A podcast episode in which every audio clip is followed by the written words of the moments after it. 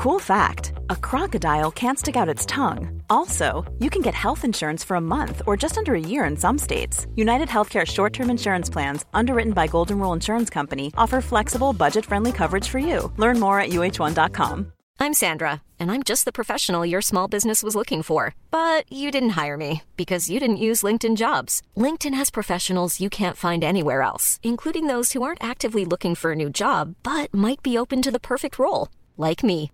In a given month, over 70% of LinkedIn users don't visit other leading job sites. So if you're not looking on LinkedIn, you'll miss out on great candidates like Sandra. Start hiring professionals like a professional. Post your free job on linkedin.com/people today. Hey, it's Ryan Reynolds, and I'm here with Keith, co star of my upcoming film, If, only in theaters, May 17th. Do you want to tell people the big news?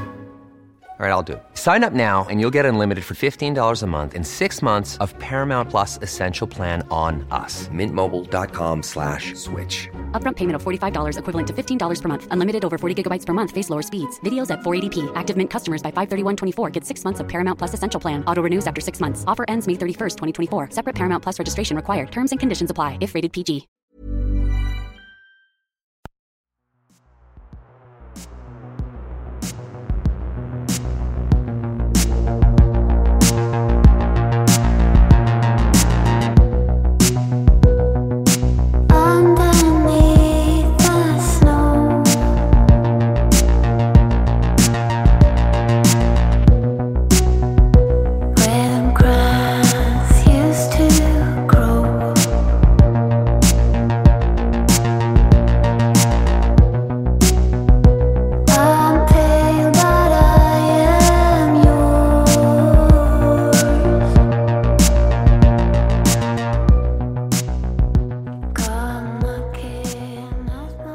Olösta mord, Biggie och Tupac del 14.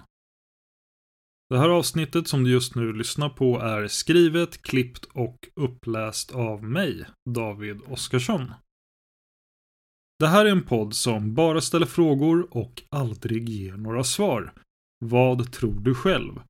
Kontakta oss gärna med dina teorier om fallen som vi tar upp. Kontaktinformation finns i avsnittstexten i din poddapp och i slutet av avsnittet. Om du tycker om olösta mord får du jättegärna vara med och sponsra oss på patreon.com. Alltså p-a-t-r-e-o-n.com och där kan du söka på olösta mord. Ni vet alla hur det fungerar vid det här laget. Och vi är er sponsorer djupt tacksamma. Det hjälper oss jättemycket. Vi avslutade föregående avsnitt med att berätta om gripandet av Kifidi och hur Nevadas distriktsåklagare nu anser sig ha tillräcklig bevisning för att kunna åtala Kifi för mordet på Tupac. Det är förstås många som reagerat på de senaste utvecklingarna i Tupacs fall. En av dem är kolumnisten Jade Maxwell som skriver för Daily Eastern News. Den 9 oktober 2023 publicerades hennes text Tupac Shakurs mord är ett fall av rättshaveri. Och det är alltså vår svenska översättning av en rubrik på engelska. Hon, alltså Jade Maxwell, inleder med att säga att även om hon är glad att Tupac kanske till slut kommer att få rättvisa skipad för sitt mord, tycker hon att det som skett är alldeles för lite, sett till hur lång tid som har passerat. Hon antyder också att gripandet av en enda person, som endast kan kallas för misstänkt, är futtigt. Maxwell utvecklar att omständigheterna kring Kifedis inblandning i mordet dessutom varit kända under lång tid. Så varför grips han först nu? Vad håller rättssystemet i Nevada egentligen på med? Maxwell skriver Orättvisa för svarta amerikaner handlar inte bara om den orättvisa som drabbar vanliga medborgare, utan även de som har kraftfulla budskap till sitt samhälle och som har genererat ett välstånd. Jade Maxwell är endast 20 år gammal, vilket hon själv nämner i sin krönika. Hon skriver, citat. Även om jag skulle vilja fira den här halva framgången kan jag inte göra det. För det är endast en halv framgång. Det här fallet skulle ha blivit löst långt innan min egen födsel för 20 år sedan. Faktumet att polisen i Nevada inte ansträngde sig för att lösa fallet när det begav sig gör mig obekväm. Kanske är det för att jag är från en annan tid än den då Tupac blev mördad, så jag förväntar mig att polisen skulle ha gjort då vad jag förväntar mig att de ska göra nu. Men jag kan också känna mig obekväm med det faktum att Tupac, som under majoriteten av sin karriär producerade budskap av hopp och handlingskraft för svarta människor, kunde bli uppsåtligt mördad och sedan ignorerad. Slutcitat. Huruvida Tupacs död blev ignorerad av rättsväsendet eller inte låter vi alla som lyssnar avgöra själva. Vi hänvisar till de tolv tidigare avsnitten som vi har gjort. Men även om Jade Maxwell verkar vilja politisera mordfallet något så har hon definitivt rätt om en sak.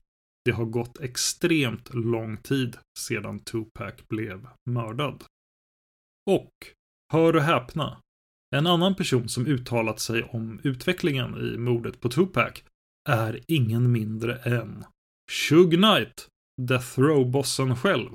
Mannen som satt bredvid Tupac i bilen kvällen den 7 september 1996 när Tupac perforerades av fyra stycken vinande kulor. Det var redan den 3 oktober som den anrika hiphop-tidningen XXL via stoff från nyhetskanalen TMC publicerade artikeln med följande rubrik och det är vår svenska översättning. Shug Knight hävdar att Tupac blev mördad av någon annan. Shug Knight, egentligen Marion Hugh Knight Jr, 58 år gammal, sitter fängslad sedan 2015 då han, till synes med flit, körde på två män utanför en bensinstation i Compton i Kalifornien. En av männen dog. Chug erkände sig skyldig till dråp i september 2018 och dömdes till 28 års fängelse. Således gjordes denna nya intervju med Chug från fängelset. Och Chug sa, och nu citerar vi honom direkt i svensk översättning. Jag trodde inte Kifidi någonsin skulle bli gripen. Jag har inte heller velat se honom gripen. Låt oss först ha en sak klar här. Jag och Kifidi spelade för samma Pop Warner fotbollslag. Vilka omständigheter det än gäller, om han haft inblandning i något eller om han inte haft inblandning i något. Jag skulle inte önska fängelset ens för min värsta fiende. Där är det slutcitat. Personen som länge har varit misstänkt för att ha varit den som höll i vapnet när Tupac mördades var ju Orlando Baby Lane Anderson. Och vad Orlando Baby Lane Anderson anbelangar hade Shug följande två saker att säga, som han själv delade in i två punkter. Så citat 20 igen. Så här. Jag har aldrig haft något ont att säga om Orlando. Nummer ett. Han var inte den som sköt. Nummer två. Han kom till min rättegång och sa att jag borde släppas. Och han sa sanningen. Jag fick inte gå. Det var inte Orlando som gjorde det. Det är allt jag har att säga om den saken. Slutcitat. Sugar klargjorde också att han har noll intresse av att vittna i rättegången oavsett vilken sida som skulle vilja se honom där. TMC-reporten antyder för Shug att han tycker att Shug är väldigt bestämd på att Orlando är oskyldig, men att han inte är lika bestämd på att Keith är oskyldig. Det har Shug inget att säga något om. Vi har nämnt att saker Kieferi själv har sagt, bland annat i sin självbiografi Compton Street Legend, har spelat in i att gripandet till slut skedde. Men vad är det då egentligen som Kieferi har sagt? Och vad vet vi? För att nysta i det ska vi tillgå information som vi tidigare redogjort för i del 11 till 12 i vår avsnittsserie om Biggie Tupac. Kifedi var gängkriminell. Det hade han varit i princip hela sitt liv. Mer specifikt var han medlem i gänget Crips, det gäng som tillsammans med fienden Bloods än idag utgör en ständigt närvarande konflikt mellan gangstrar i Los Angeles. Kifedi var farbror till en annan kriminell och betydligt yngre person som vi nyss nämnde, Orlando Baby Lane Anderson. Orlando var den person som Tupac, Suge Knight och resten av deras entourage hoppade på inne på MGM-arenan efter Mike Tyson-matchen. De misshandlade Orlando för att han pekades ut som någon som misshandlat och stulit ett smycke av en av Tupacs och Shugs vänner. Smycket i fråga var förstås en guldmedaljong med loggan för Shugs legendariska och ökända skivbolag Death Row Records. Året var 2006 när den tidigare nämnde LAPD-polisen Greg Kading började jobba med en specialstyrka för att lösa mordet på Biggie Smalls. Keefe togs då in på förhör då han var Crips-medlem och det gick rykten om att skivbolagsbossen P Diddy, Puff Daddy, Sean Combs var skyldig Crips en miljon dollar för mordet på Tupac. Kiefer D hade varit en av de Crips-medlemmar som närvarat på den Vibe-fest som Biggie lämnade med sitt entourage den 8 mars 1997, då han blev mördad. Greg Kading och hans kollegor fick en hållhake på Kiefer D då han hade avslöjats i en annan orelaterad federal utredning om narkotikasmuggling. Kifidi behövde alltså säga vad han visste, eller så kunde han räkna med att skaka galler i ett federalt fängelse i resten av sitt liv. Kifidi nekade inblandning i mordet på Biggie Smalls, men han sa ju detta. Det var inte vi. Men det jag har att berätta för er, det kommer fan få er att tappa era jävla hakor i golvet. När Kifedi började prata framkom det att han varit vän med Puff Daddy sedan 1993 efter att ha blivit introducerad till honom via en gemensam vän som kallades för SIP. Sedan dess hade Puff Daddy och Bad Boy-gänget varit på god fot med Crips som helhet och flera gånger anlitat gängets anhängare som livvakter. Kifedi var alltid kontakten mellan Puffy och Crips.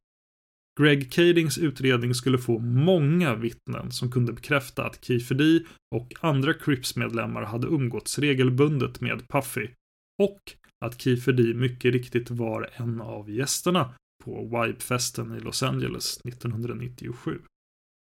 Efter en Bad Boy-arrangerad konsert i Anaheim i Kalifornien befann sig Kifedi och några andra Crips på en efterfest tillsammans med Puff Daddy. Det är något oklart exakt när detta ska ha varit.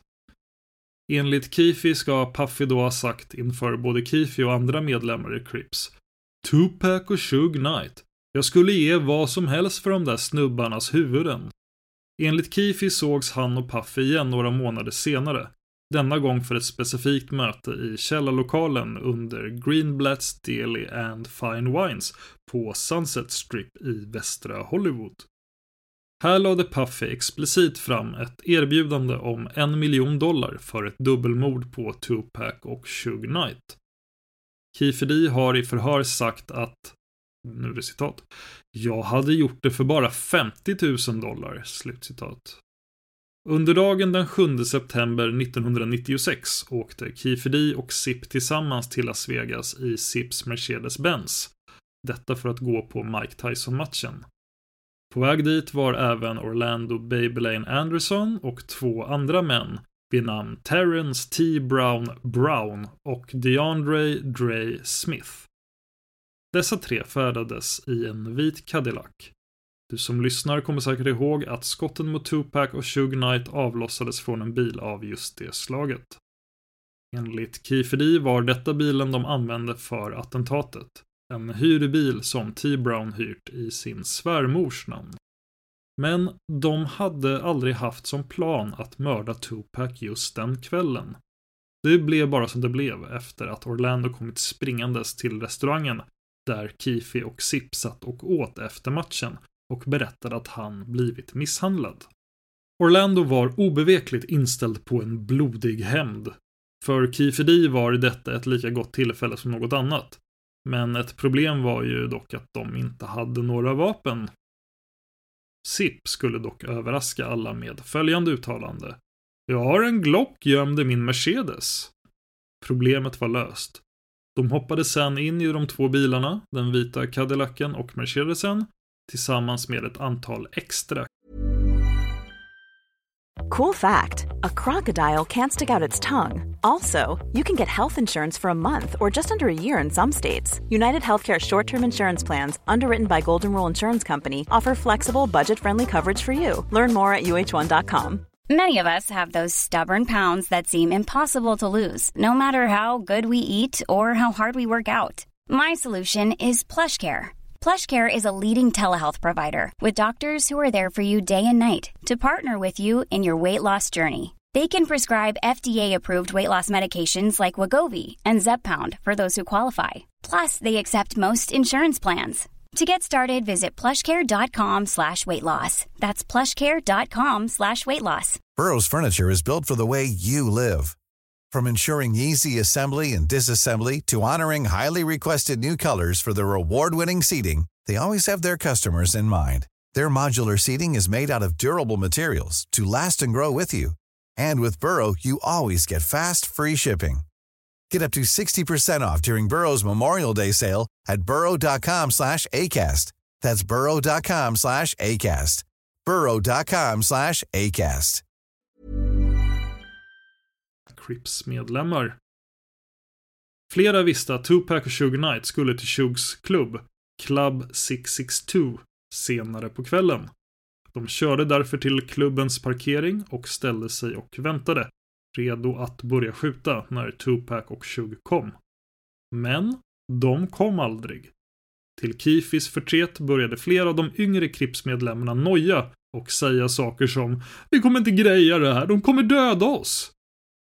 Detta ledde till att gruppen splittrades och att Kifedi hoppade in i den vita Cadillacen tillsammans med T. Brown, DeAndre Dre Smith och Orlando Babylane Anderson. De bestämde sig nu för att utföra jobbet på egen hand. T. Brown satt bakom ratten, Kifedi satt i passagerarsätet och Dre Smith satt till vänster i baksätet och Orlando satt till höger i baksätet. Så här långt var Greg Kading och hans utredningsgrupp med på noterna. De hade nämligen redan lyckats bekräfta att alla personer som Keefe sade satt i den vita Cadillacen faktiskt hade varit i Las Vegas just den kvällen. Keefe berättade sen hur de fyra började åka runt i stan och spana efter Tupac och Shug. Och då, som från en klar himmel, fick de syn på Chryslern med de fyra unga kvinnorna och hur den hade kört upp bredvid Shugs BMW och högt ropat Tupac, Tupac! Kiefer Dees och resten av gängets måltavlor var identifierade. T-Brown körde upp bredvid Tupac och Shug och saktade in vid deras högra sida. Detta innebar att T-Brown var närmast Shugs BMW i framsätet och DeAndre Dre Smith närmast i baksätet. Keefe hade pistolen och hade räknat med att vara den som sköt. Men nu insåg han att det inte gick. Han sträckte sig bakåt och räckte pistolen till Dre Smith. Men Dre Smith sade Nej, nej, jag vill inte skjuta. Orlando Babelane Anderson tvekade dock inte en sekund när han tog Glocken ur sin farbrors hand, lutade sig över Dre Smiths knä, vevade ner rutan och sedan sköt mot Tupac och Shug. Kiferi sa också i förhöret att han och Shug Knight fick ögonkontakt med varandra medan det hände. Det blev emotionellt omtumlande då de två hade varit kompisar sedan sjuårsåldern då båda vuxit upp i samma miljö i Compton. Efter skjutningen flydde Kiferi och de andra i den vita Cadillacen från platsen. När de kände sig säkra på att de kommit undan stannade de utanför ett hotell och placerade mordvapnet ovanpå ett av bilens däck under själva karossen. De gick sen ut och drack och rökte marijuana. Nästa dag återvände de till bilen, kollade så att det inte låg tomhylsor i den och reste sen tillbaka till Los Angeles. Som om ingenting hade hänt. Sex veckor efter mordet på Tupac har Kifedi fortfarande inte mottagit sin betalning på en miljon dollar för beställningsmordet. Han kontaktade därför SIP, som stod nära Puffy, och förklarade läget. Men Sipp hade inget att säga. Senare skulle Kifi på ryktesvägen få höra att Puffy hade satt in 500 000 dollar, hälften av det han nu var skyldig Kifi, till Sips konto. Men som det verkade hade Sipp inte sagt ett knyst om detta till Kifi och istället behållit pengarna själv. Kifi D och hans medhjälpare verkade alltså ha blivit blåsta när Greg och specialstyrkan förhörde Keefe om Biggies eventuella inblandning i beställningen av mordet på Tupac var Keefe väldigt bestämd med att Biggie inte hade någonting med saken att göra.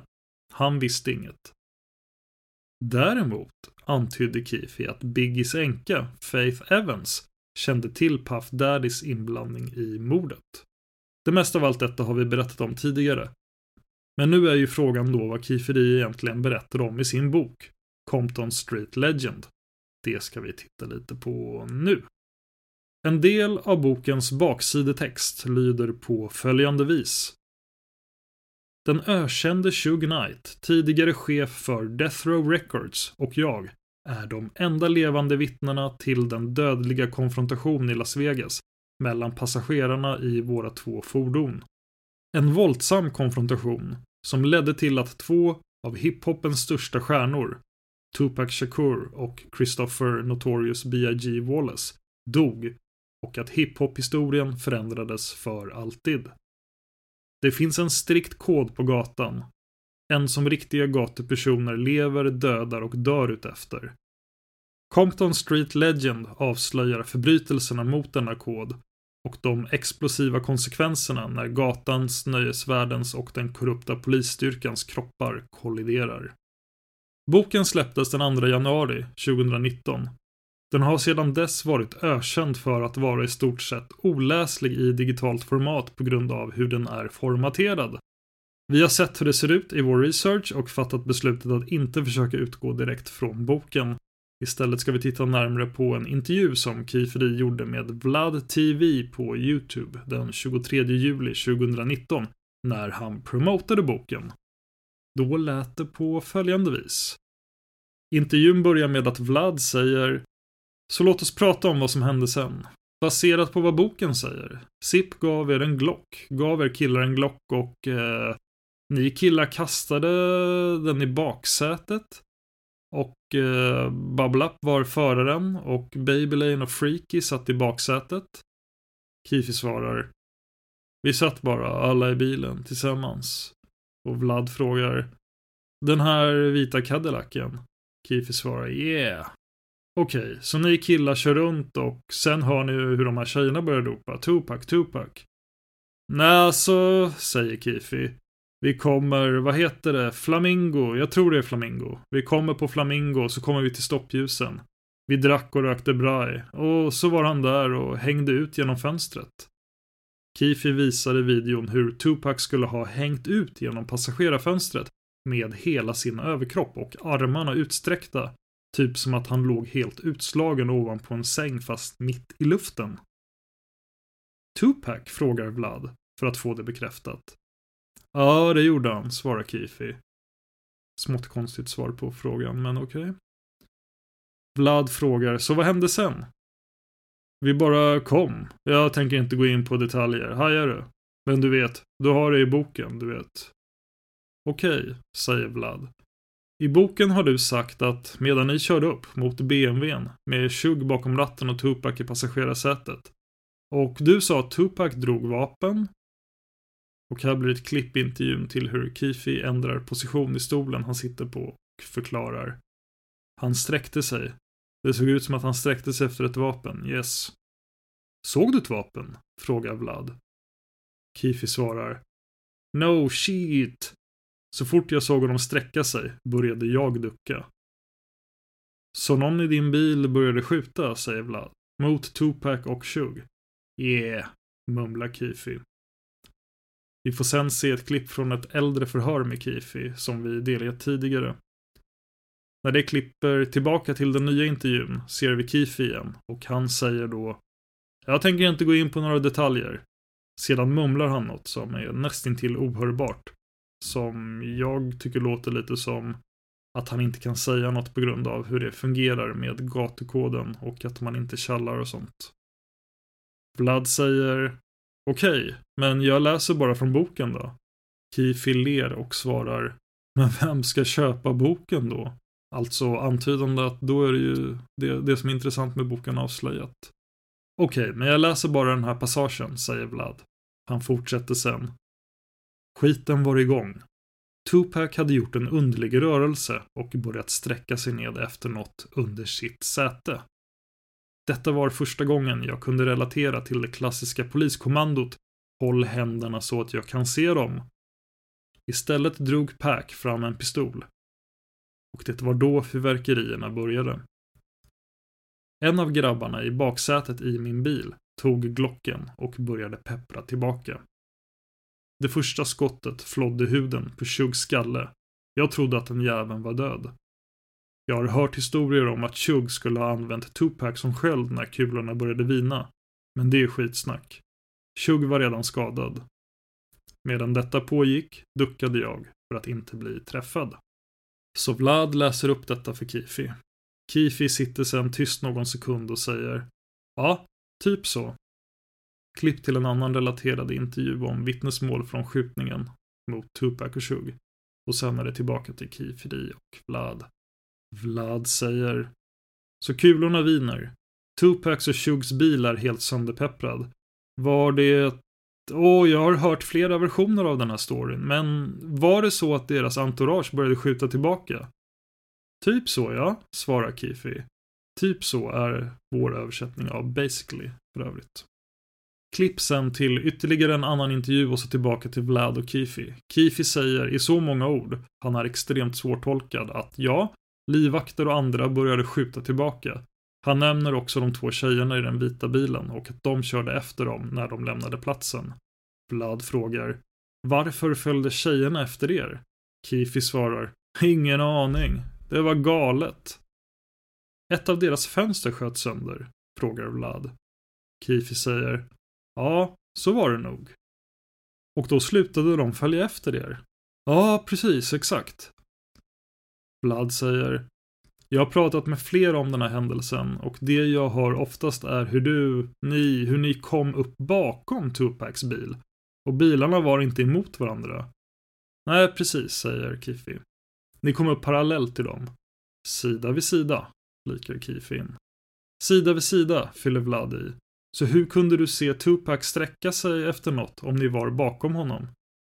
Och Kiffi svarar, men vi var ju inte bakom honom, vi var ju dikt emot, sida vid sida. Okej, säger Vlad. Och där slutar klippet som vi citerar. Klippet är del 14 i en längre serie av YouTube-klipp som utgör en intervju med Kifi D. Och det är här vi befinner oss idag med fallet. Det har gjorts en husrannsakan i Kifidis hem och inte lång tid därefter blev han gripen och åtalad för mordet på Tupac. Uppenbarligen tycker sig åklagaren nu sitta på tillräckligt med information som pekar ut Kifedi som mördaren och de flesta reportagen och artiklarna om fallet spekulerar i att det är Kifi som citat grävt sin egen grav slutcitat i och med vad han sagt i sin bok. Men exakt vad åklagarna med storjuryns hjälp sitter på, det vet vi inte ännu. Vi kommer följa upp detta i framtiden när det finns mer information. Vill du kontakta oss på olösta mord så gör du det enklast genom att skriva till simwaypodcast@gmail.com. Det är Z I M W A Y P O D C A S T snabel gmail.com. Min käre medpoddare Dan Hörning hittar du även på Twitter, eller X som det heter numera, YouTube och Instagram och han är lätt att hitta via sitt namn. Tack till Trippnaha för låten Immune som ni hör i början och slutet av varje avsnitt. Och tack till dig för att du lyssnar på Olösta mord.